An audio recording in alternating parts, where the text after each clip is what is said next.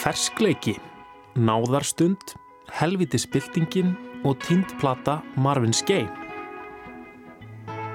Sindri Leifsson og Vala Sigþrúðar Jónsdóttir notast við óvenlegan efni við meðal annars þvóttavela, kusk og sítrónur í myndlistarverkum sínum á síningu sinni Refresh í Harbinger galeríinu.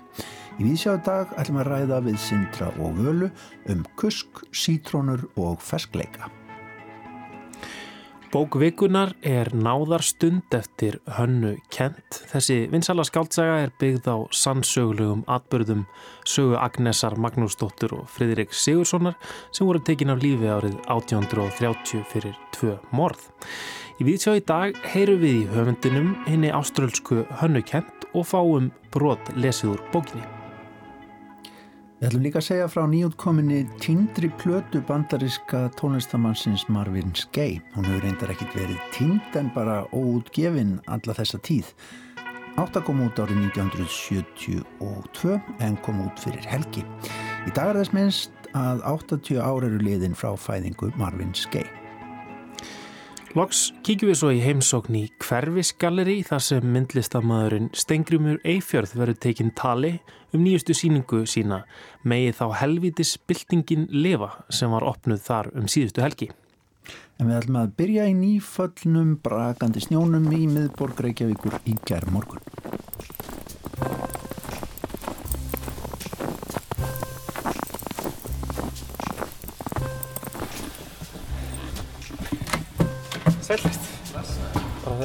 Sópa. Já, þess að refressa Já.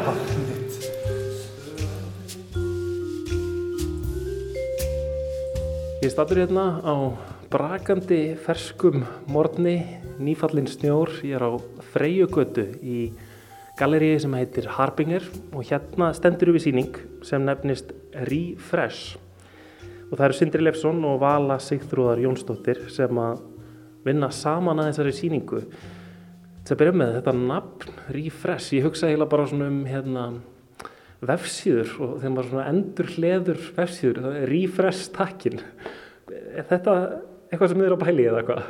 Já, hún eiginlega náður í nokkuð vel og við svona lögðum upp með að geta refresha síninguna að vissu leiti á hverjum degi sem við opnum.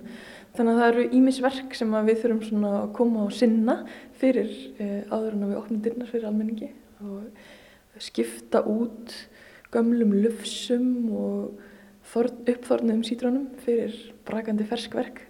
Já, það er, það er einhver ferskleiki sem að, já, þarf að viðhalda stöðut. Hva, hva, hvaða verk eru þetta sem að þarf að viðhalda svona, halda ferskum? Það eru, hérna, það er sítróna sem að ég hef svona grafið út í sagt, fyrir í, í eina ykkar heituna þannig að á hverjum degi sem að, sem að við opnum þá, þá skiptu við þessari sítrunu út. Þannig að hún fær aldrei að aldrei að sagt, þotna eða, eða mygla niður. Þannig að hún, henn er alltaf skipt út og e, svo er ég með annað verkefna sem er svona lykt af sítrunu sem heitir drip. Og það er svona e, það er sítrónu svona ángan í rýminu sem að sem að þarf að viðhalda stöðugt og, og, og endur nýja og svo er vala með hérna, verk sem að þarf að koma með nýtt inn á hverjum degi, eða ekki? Jú, það heitir hérna Lufsadagsins og er samansapn af kuski úr efnalög sem að hérna, er búin að hjálpa mér að, að vinna síningunni í Vesturbænum og, og hérna já, þetta er sagt, svona uppsöfnun af, af kuski annarkvort eftir viku eða að dag í efnalöginni. Býtu, og þetta er þá bara kusk sem að verður eftir í hvað, þvóttaveilum eða, eða þurkurum á, á, á staðnum? Já, þetta sagt, verður eftir í síu og er eitthvað sem þú þarfst að, að hreinsa úr svo að bara þurrkarinn stiplist ekki. Og á, inn á venjuleg heimili þá er þetta náttúrulega valla neitt neitt. Þetta er svona, þetta er næstu því ekki til einhvern veginn, en inn á ef, efnuleginni þá er þetta eins og þetta er næstu eins og að fá gæru af kind að, að sækja kurski þanga Manni finnst þetta kannski svolítið svona ógæslegt að hugsa um þetta, þetta sé eitthvað svona skítur en, en þetta er náttúrulega hreint af því að þetta er búið að vera í þvóttvæli eða hvað? Þetta er alveg ótrúlega hreint skítur. Og lykt lyktar einmitt sko þegar þetta er nýkomið inn þá lyktar þetta svona af uh, þóttaefni og efnalögin og það er svona ákveðin ferskleiki í, í efninu líka þrátt fyrir að vera uppfullur af hárum og Mm. húð, húðflixum og, og, hérna, og svona alls konar skít. Það- Þannig að kannski einhverju gestir hérna sem koma og, og mæta á sýninguna, það er, þetta er rauninni kannski bara hluti af þeim er þarna og hluti af þeirra, þeirra kurski er til sýnis ábyggilega. Það er kannski bara eitthvað af DNA úr, úr fólki sem að hérna hefur mætt. En hvað er það, af, af hverju er þetta eitthvað svona um, umfjöllunar efni, um, endur nýjuninn og, og, hérna, og ferskleikin, af hverju er þetta eitthvað sem að ykkur langaði að vinna með í þessari sýningu? Ég bara er hérna, ég er mjög uh, fascineraður af svona stöður í enduníun og svona stöður viðhaldi einhvern veginn og, og svona andspyrna gegn kannski eitthvað svona entropíu, jafnvel mætti segja.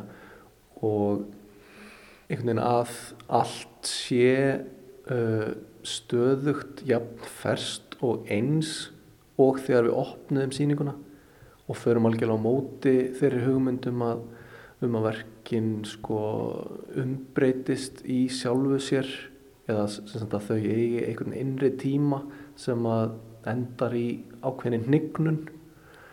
Uh, þannig að það er svona það sem við erum að, við erum að hérna, fara á móti kannski að einhver leiti Mm. Þannig að eru einhver verk hérna eins og þetta fjölfeldi og þetta er kannski fyrsta skipti sem að ég sýni svona skúltúr fjölfeldi um, sem að er svona ákveðin miniatjur af, af uh, starra verki sem að er til sínis uh, inni um, sem er hægt að handfjalla svona og taka í sundur og, og það sagt er samsett af eikar fjöl og annari eikar fjöl með álímdum sandpapír og maður svona getur, getur fengið að pússa svona sinn kaup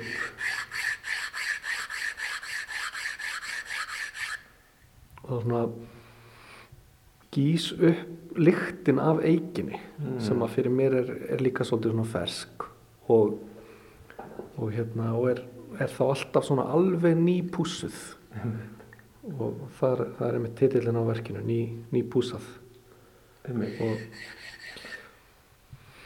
já, svona, svona eitthvað við lyktina en, en svona með þessari sko, með þessari endurnýjun þá er að því ég sagði að, hérna, að við værum að, að fara á móti þeim strömi, strömi hnignunar Mhm. Þú veist, en það er samt fólkið í þessari endurnýjun er það er ekki hægt að komast undan í einhvern veginn.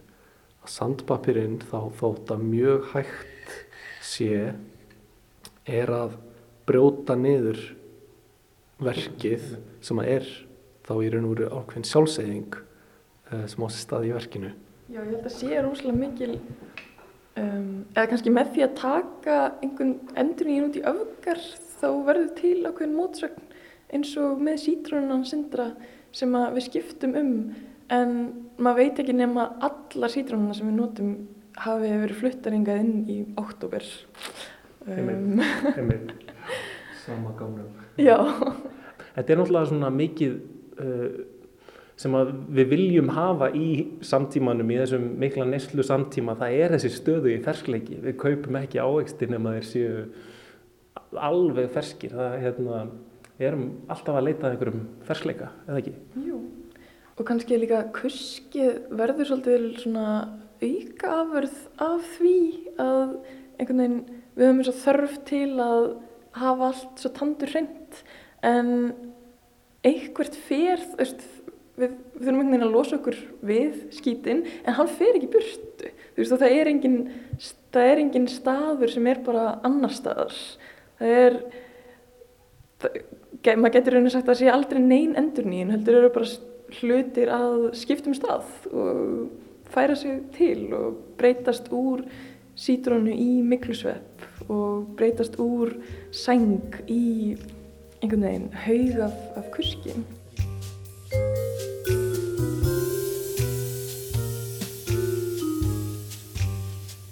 Það heitir Lusa tímans.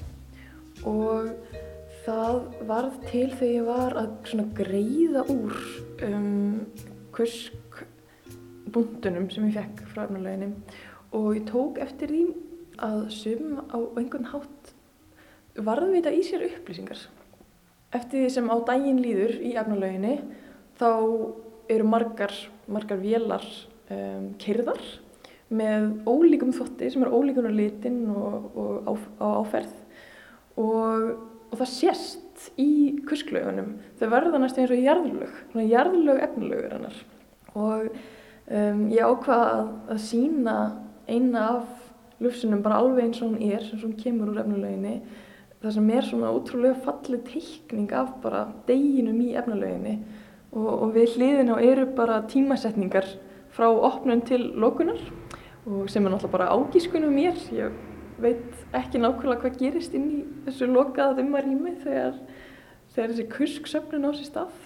Þetta er mjög áhægt. En svo, svo ertu hérna, það, það er einhver form og, og einhverja myndir í suma verkunum og þau eru nánast bara orðin eins og einhver svona þykkur pappir eða eitthvað svo leiðis. Já, nákvæmlega. Og þá komum við kannski aftur á svona því hvað er erfitt að skilgreina að að hluta til þá finnst mér þetta helst vera kannski bara textilverk að þau eru búin til úr, úr litlum trefjum. Uh, en þau eru, jú, þau eru eiginlega búin til eins og maður býr til pappir og þeim er þrýst inn í svona dúgristur til að búa til þessi, þessar myndir. Já, þannig að það er mjög erfitt að skilgruna hvort að þetta, hvað þetta er. Já,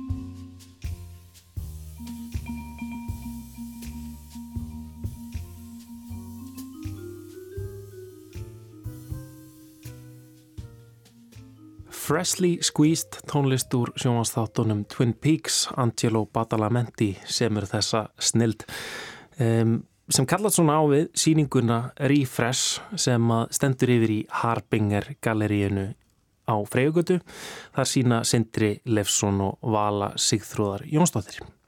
En þá ætlum við að snú okkur að tónlist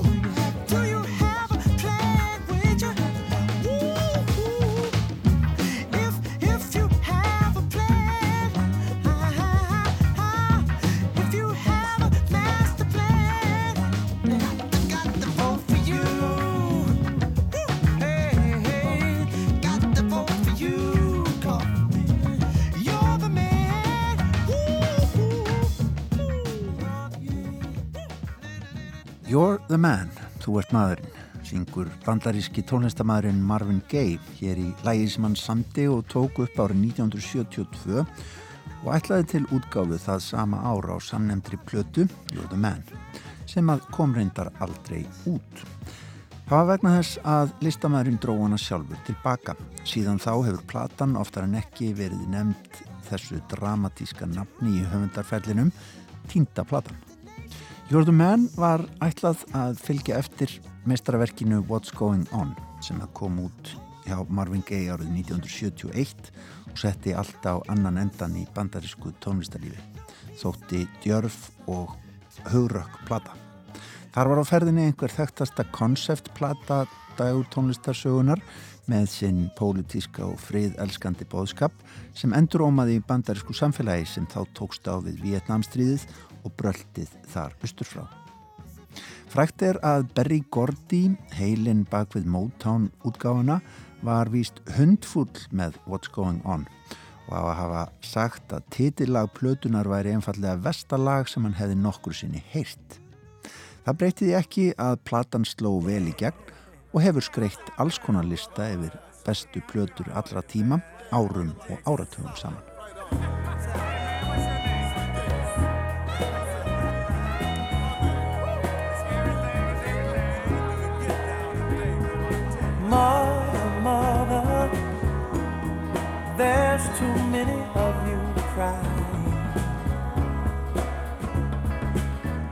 Brother, brother, there's far too many of you dying. You know we've got to find a way to bring some loving here today. Yeah. Father, Father, we don't need to escalate.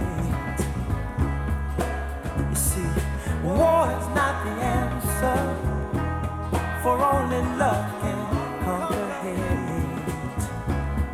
You know we've got to find a way to bring some loving here today. Oh. En þegar listamenn gefa út plötur sem slá svo rækilega í gegn, þá kemur alltaf að því að það þarf að undibúa næstu útgáfu. En það gaf hittarafesmiðja Motown fyrirtækisins engin grið þegar komað Marvin Gaye.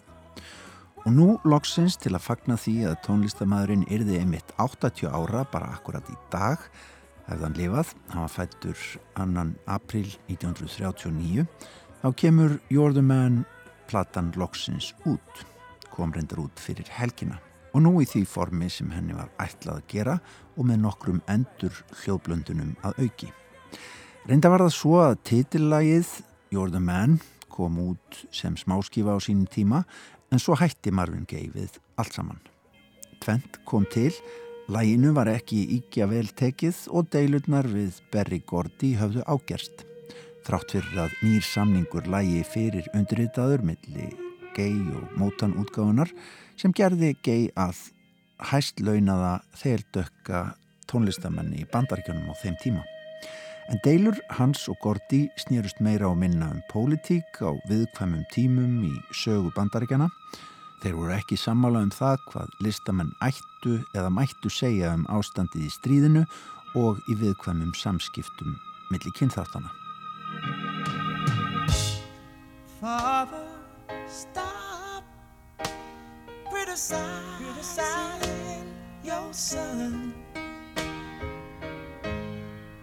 Mother, please leave your daughters alone. Don't you see that's what's wrong with the world, today? Everybody wants somebody to be their own piece of clay.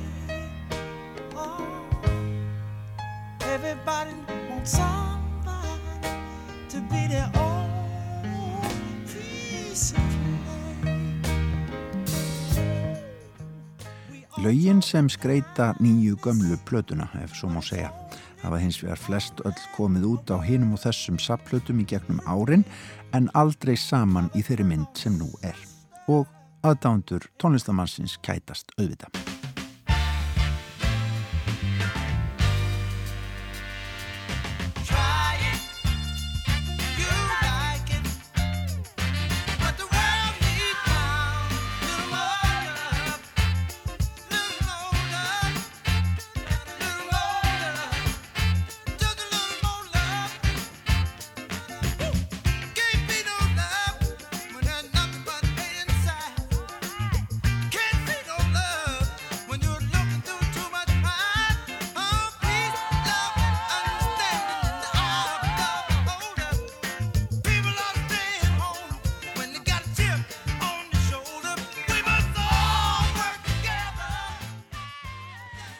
Síðan árið 1973 sem ferillin hjælt fyrir alvöru áfram en þá með þessum skugga um tíndu plötuna frá 1972.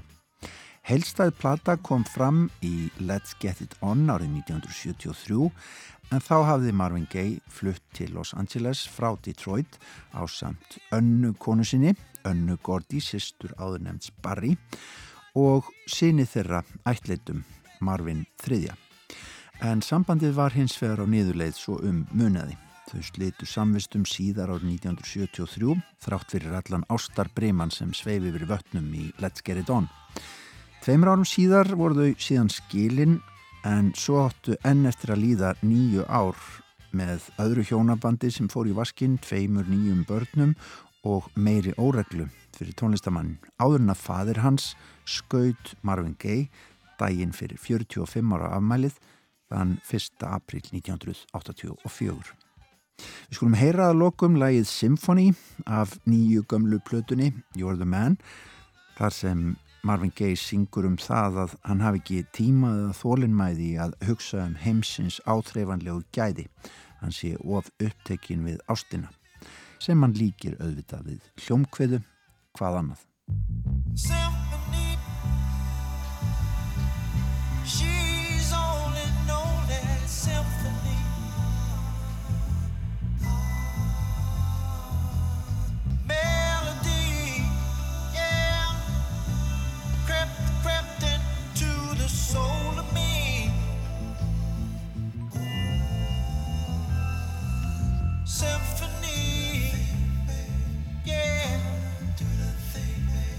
sort of like a song.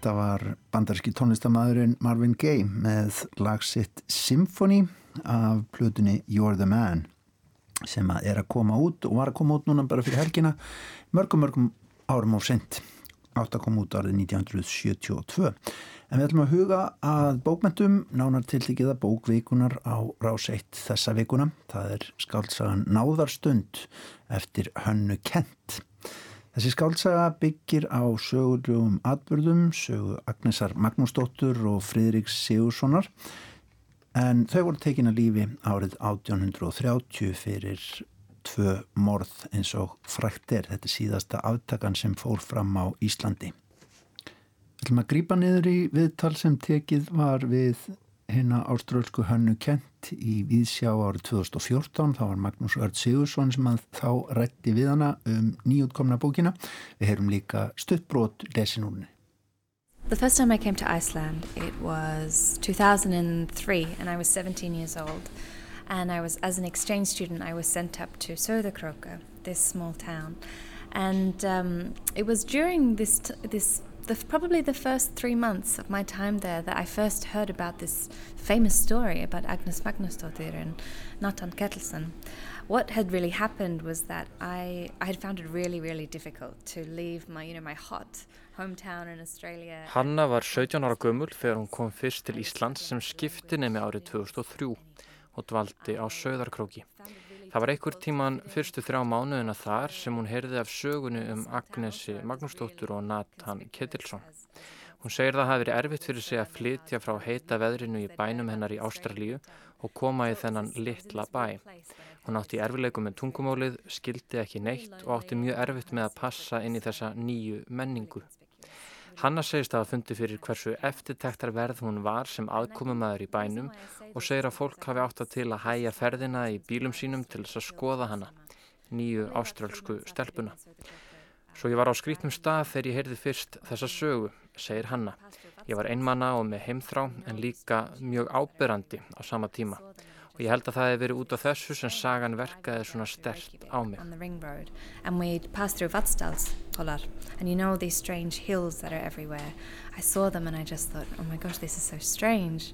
And I asked my host parents, you know, why are these hills here? Are they, are they Viking graves? Is it a golf course? I didn't know. Eitt daginn var Hanna á leið til Reykjavíkur með skiptinema fóröldum sínum þegar þau kerðu fram hjá Vastalshólunum og Hanna spurði þau hvort þetta væru gamlar vikingagrafir eða golvöllur.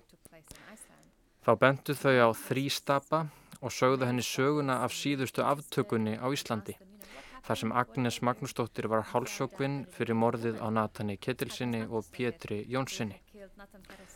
Þau gátt ekki sagt henni mikið en þó það að Agnes hefði drepið þá í sveppni og að hún hefði einfallega verið ítla innrætt manneska sem vildi svíkja Natan. Og Hanna segir að hún hafi þannig fengið svona ákveðna útgáfu af sögunni en að hún haldi að það hafi verið vegna þess ákveða stað hún var í lífinu, útlægi í litlu samfélagi að heyra söguna af öðrum útlaga sem sagan hafi fest í minni hennar. En hún nefnir samt að hún vil alls ekki vera að bera saman þjáningu hennar sem skiptinema með heimþrá við raunir Agnesar. Fyrst hugsaði ég ekki um að skrifa þessa sögu, segir Hanna en ég forvitnaði svona aðeins meira um hanna Agnesi og ég vildi vita meira hvaðan hún kom, hver hún var, hvernig fjölskyldu hún átti og hvernig allt þetta gætt haft áhrif á örlög hennar. When I decided to write this book, it was actually for a thesis for my PhD. I didn't write it be to be published or anything like that. Um, and so I was working in, I was studying in South Australia and I thought, um, you know, eventually, hopefully, I would be able to get back to Iceland to go to the Þjóðskálsafn and the libraries and to see these places. But Ég byrjaði að skrifa þessa sögu sem hlut af lokaverkjumnu mínu í doktorsnámi í Rítlist, segir Hanna. Ég var ekki að skrifa þessa sögu til þess að fá hann að gefna út. Áðurinn ég fór aftur til Íslands að skoða skjöl á þjóðskjálasafninu og öðrum söfnum, þá las ég svona tvö ár ímislegt tengt Íslandi bækur Halldórs Kiljan Lagsnes, íslensk ljóð, sögubækur, meira að segja uppskriftabækur og svo frekar þurrar fræðigreinar um bólusóttar faraldra á Norðurlöndum. Ég las einnig ferðabækur, sérstaklega eftir erlenda einstaklinga sem hefðu ferðast til Íslands á þessum tíma á fyrirluta 19. aldar og Hanna segir að í rauninni hafa hún bara lesið allt sem hún fann sem snýri að fyrirluta 19. aldar á Íslandi. Þegar ég var á Íslandi, segir Hanna, skoðaði ég ímusgögg sem snýru beint að Agnesi og hennar lífi. Hún var til dæmis óskilgetin, móðir hennar var ógift og átti mörg önnur óskilgetin börn. Agnes var tekinn frá móður sinni þegar hún var ung, mjög ung, sex ára gömul og Hanna heldur áfram og segir að allar þessar upplýsingar eins og hún hafi verið þurvalingur hafi skipt miklu máli fyrir hana og hennar sín á sögu Agnesar. Það var með þessar grunn upplýsingar, segir hún, í höndunum, þessa beinagrind af sögu eða æfisögu sem mér var kleift að hugsa um hvernig hennar uppvöxtur var og hvernig hennar ytri aðstæður gáttu hafa leitt til hennar skjálfilegu örlaga.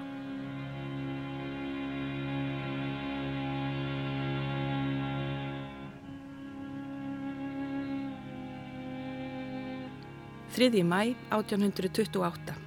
Undirfelli í Vastall. Sakapersonan Agnes Magnúsdóttir er fættað flögu í undirfellsókn árið 1795 konfirmeruð árið 1809 og var sögð vera með góðar gáfur og velkunnandi og skiljandi sinn kristindóm. Er þetta svona rétt útdreið af kirkjubók Undirfellskirkju? P. Bjarnason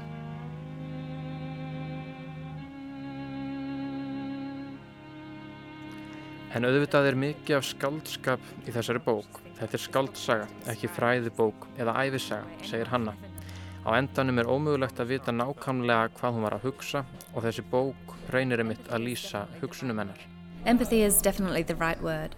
Uh, some people say sympathy and I like to make a, a, a real distinction between them two. Sympathy I think implies that someone is a victim, that you feel sorry for them. I don't necessarily feel sorry for Agnes because she's guilty after all. She did something, she certainly did something very bad and she lied certainly. And I think if something happened like this today, of course she'd still be guilty, it doesn't change. Hluttekning er rétta orðið, segir Hanna, þegar hún er spurð hvort hún hafi fundið fyrir hluttekningu gagvart Agnesi.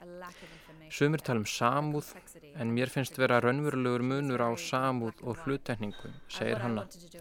Samúð finnst mér gefa í skina einstaklingur sé fórnalamp og þú vorkenur honum.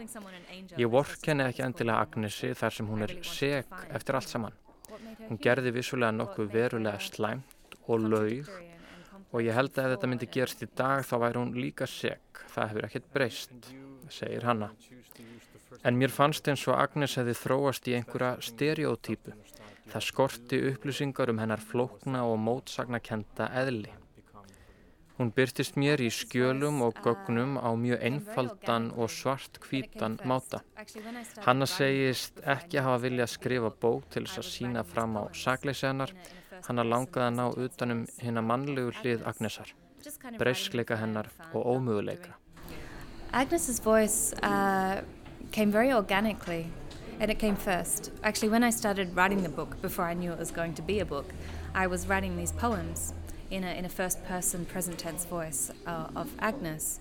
Just kind of writing them for my own fun, not doing anything with them. And then when I decided to write this book, I think a lot of that poetic voice carried through. Rött Agnesar kom mjög auðveldlega, segir Hanna, og hún var það fyrsta sem var til hjá mér. Ég var fyrst byrjuð að skrifa ljóð í fyrstu personu þar sem Agnes hafði orðið. Ég ákvað síðan að gera ekkert með þau en ég held að þetta hefði gert það verkum að rött Agnesar í bókinni er mjög ljóðuræn. Hanna notar einnig þriðju personu frásögn í bland og hún segir að það hefði verið nöðsynlegt til þess að gera Agnesi að óáreiðanlegum sögumanni. Ég vildi að lesandin sæi munin á því sem gerðist og því sem hún hugsar og segir við aðra, segir Hanna og útskýri líka að hún hafi hugsað ljóðuræna rödd Agnesar sem mótstöðu gagvart þurru skriffinskulegu orðalagi samtíma heimildana eins og brefum síslumannsins Björns Blöndal. Þar skorti vissulega hluttekningu og samúð, segir Hanna. Hanna segist einnig vera mótfallin döðadómum og því hafi skipulagning aftökunar sem byrstist henni í þessum þurru skriffinskulegu brefum stuðað hana. Þannig vildi ég líka sína vannmátt Agnesar gagvart þessu yfirvaldi í ljóðurætni rött hennar. segir Hanna. Á einhvern hátt var hún rallus manneskja á sínum tíma og hafði ekki aðgang að þessu tungumáli lagana.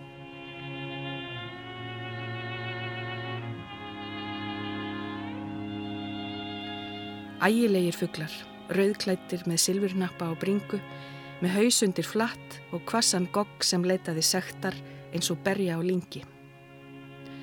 Þeir meinuðu mér að segja frá því sem gerðist með mínum hætti en tóku þessi stað minningar mínar um Íllugastadi og Natan og unnu úr þeim eitthvað vofeflegt. Þeir affluttu sögu mína af þessari nótt og letu mig virðast vonda mannesku. Allt sem ég sagði var frá mér tekið og því umtörnað uns sagan var ekki lengur sagan mín.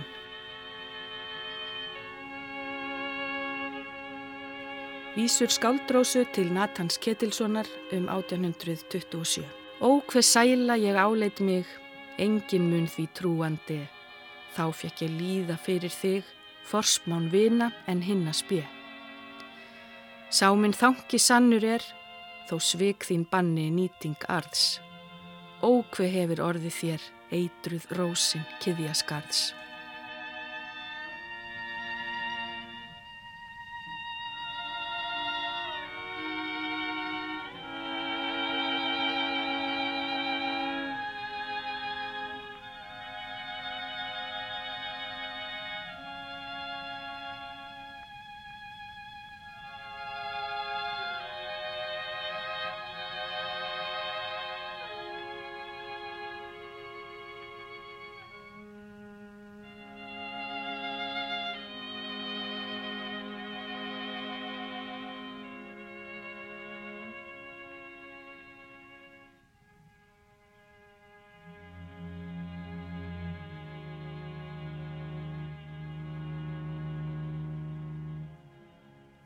Hann var rætt við ástrálska rittvöndin Hönnu Kent í vísja árið 2014 rætt um skáldsögunar Náðarstund sem er bókvikunar að þessu sinni á rás 1.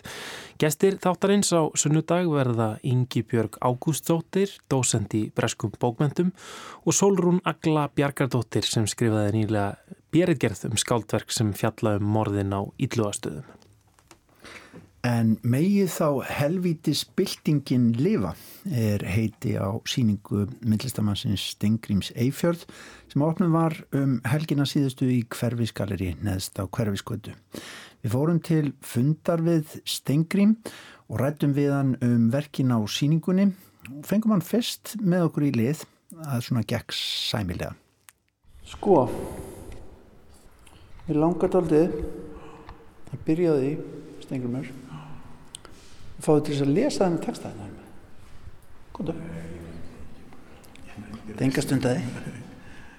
Þannig að hérna er rauða í stóra Slík átök og vandamál daglegs lífs hafi í för með sér skáldaða löstir sem lagðar eru yfir raunverulegar löstir þegar þær eru eða virðast vera útilokaðar Þannig stíga vandamálinn og leitin að lausnum yfir mæri þykjustunnar, eigðan á milli reynslu og þykjustu er fyllt svo lítið ber á með frávarpi og fólk varpar þannig þrám sínum á einn eða annan flokk viðfanga. Eitt eða annað form aðtapna heimilið, íbúðina, húsgögnin, eldamennsku, sumarlefisferðir, náttúruna og svo framvegis. Slíka varpanir gefa viðfanginu tvöfaldatilvist, raunverulega og ímyndaða.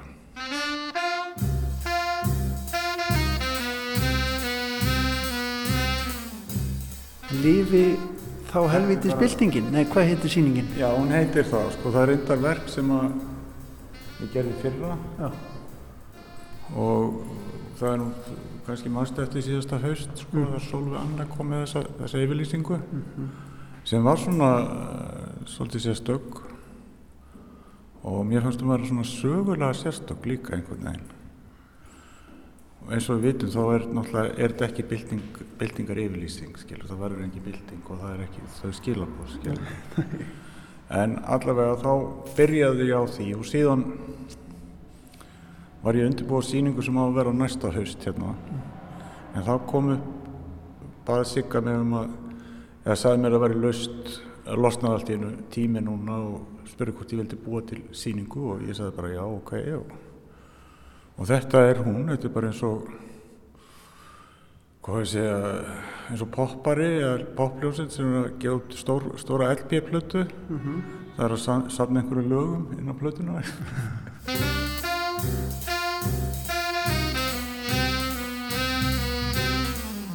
og þetta eru lögin, sko. Þetta er ekkert mikið flóknar en það. Nei, og svo náttúrulega þetta, nákvæmlega þetta verð sem að þú sér hérna.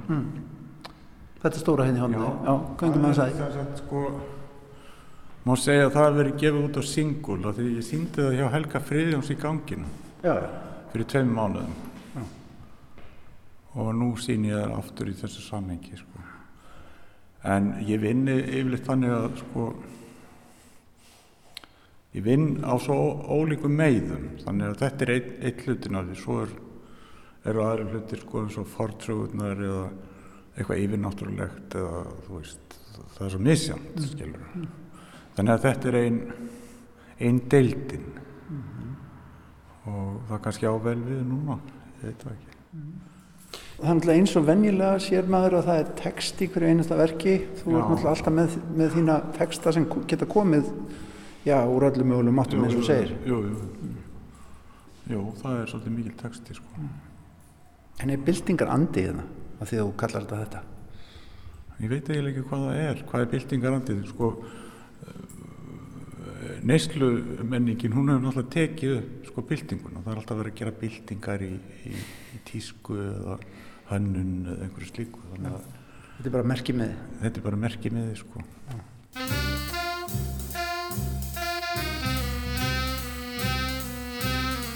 En maður sér samt hérna að það er einhvern svona, þú ert að velta fyrir þér segjum róttækninni og hugmyndum um hana. Ertu kommunisti? Er spurt hér. Erst þú kommunisti? Sko, kommunisti og sósialisti, það, það hefur enga merkingu lengur, skilur, það er náttúrulega alveg augljóst. Og, og bláu og rauðu liturinn þýðir ekkert lengur hægru eða vinstri eða slikt, skilur. Allt er unnið saman í eitt.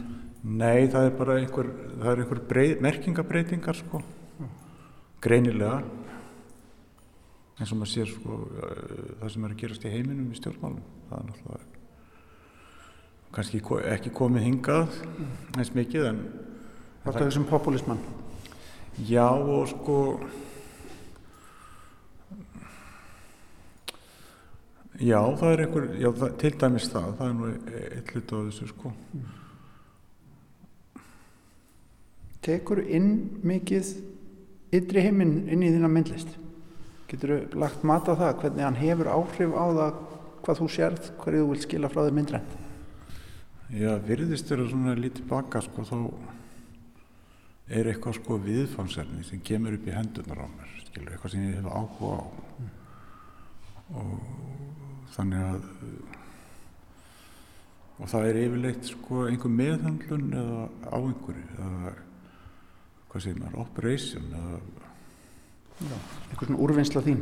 aðgerð, já, einhver aðgerð já.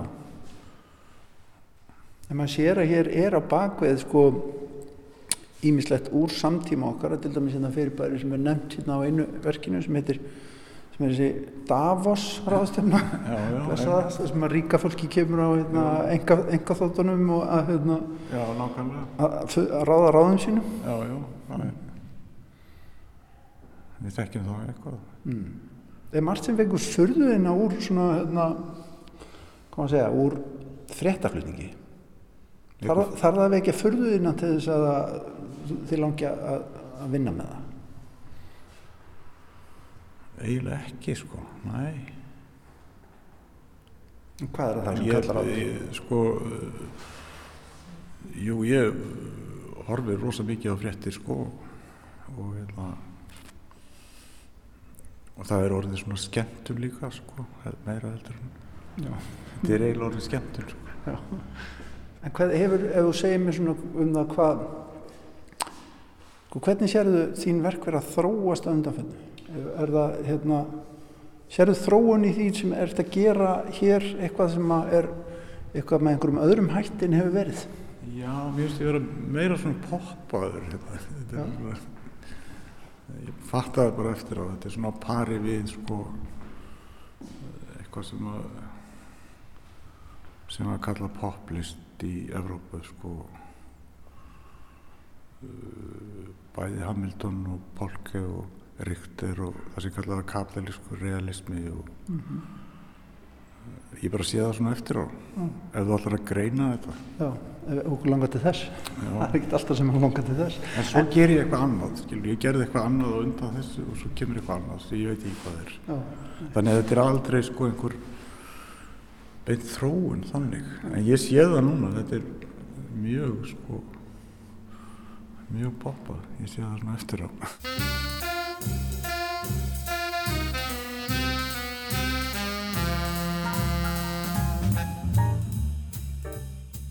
Ég er ekkert með augun í einhvers konar kerfi sem að, hvað er þetta hérna? Þetta er nánast eins og þetta minnir mann á pínlítið á jafnvel stjörnumerkið eða eitthvað slíkt. já, já. Hvað er þetta sem hérna? þetta, er- þetta letur hérna sko Ertu hann að letur? Komin í Nei. leturgerðina?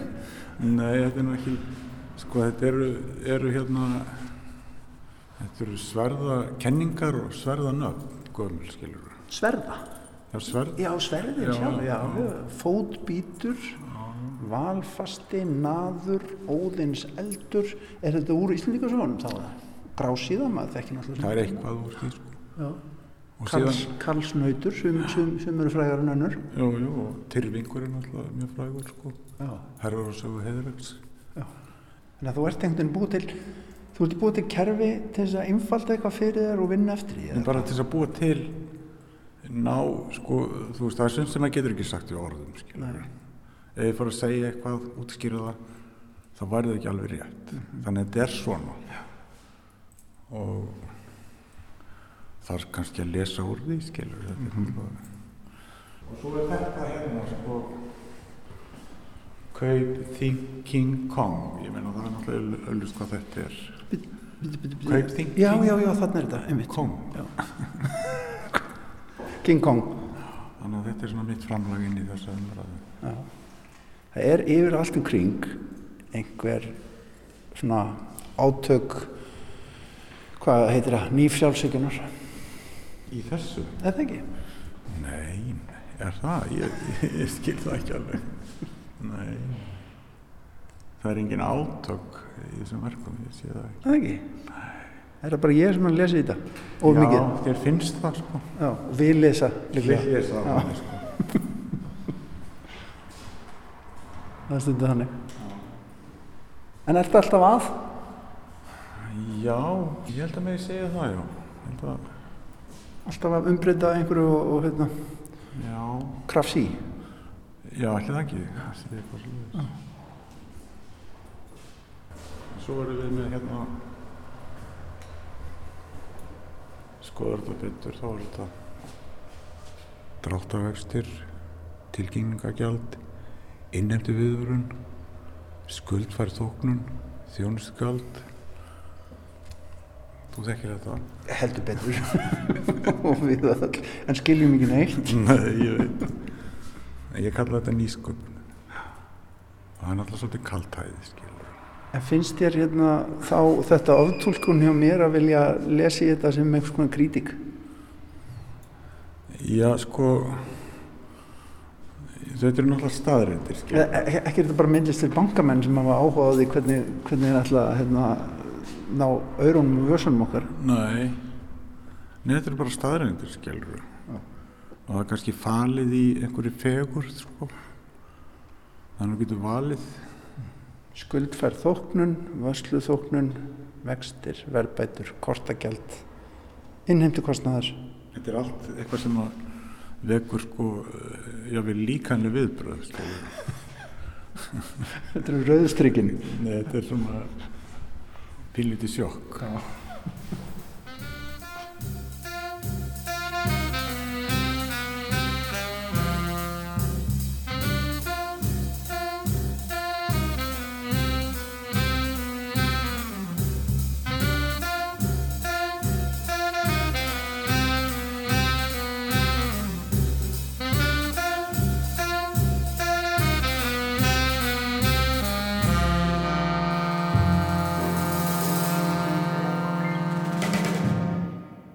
þarna blöndum við saman tali við Stengrim Eifjörð myndlistamann sem að sýnir í hverfis galleríi þessa dagana við tóna frá meistara Erik Dolfi en við ætlum að ljúka við sjá þessu spjalli. Við höfum hins vegar ymmislegt fyrir ykkur á morgun ágættur lustendur í viðsjá við ætlum að huga að nýjum pakka með fjórum diskum. Með söng Elisabethar Erlingsdóttur sóbransöngunum sem lést árið 2014 heyra af þeirri útgáfu. Hildigunnur Birgistóttir myndlistakona ætlar að segja okkur frá uppáhalds listaverkinu sínu.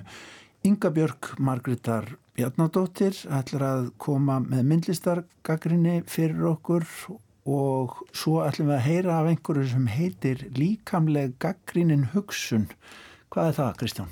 Þið skil ekki neitt. Já, það er rétt að segja. Ég ætla að fá Sigriði Þorgestóttur, professor í heimsbyggi, til þess að útskýra það fyrir okkur. Þetta er, ég veit að þetta er rannsóknarverkefni, stort, alþjóðlegt rannsóknarverkefni, þar sem hefur verið að þróa aðferðir til þess að hugsa á gaggríninhátt og, og kenna gaggrínu hugsun, en með því að taka inn hvað ég var að segja, reynslu fólks og leifa fólki að, að, að hlusta á tilfinningarna sínar og, og, og, og líkamann og tilfinningarnar eru hluti af skynnseminni samkvæmt, samkvæmt þessu verkefni. Ef, ef ég er ekki algjörlega út á tóni, sem, sem verið, það kemur ljós allavega á morgun. En þetta hljóma vel og, og þetta þurfum að rækta gaggrina hugsun og skinnsemi almennt í samfélaginu bara. Algjörlega og einmitt hlusta á tilfinningarnar líka, það er greinlega hluti, hluti að því að vera að hugsa á gaggrinin hátt. Akkurat, við erum tilfinningar verur hér í Viðsjá en segjum takk í dag. Takk fyrir að hlusta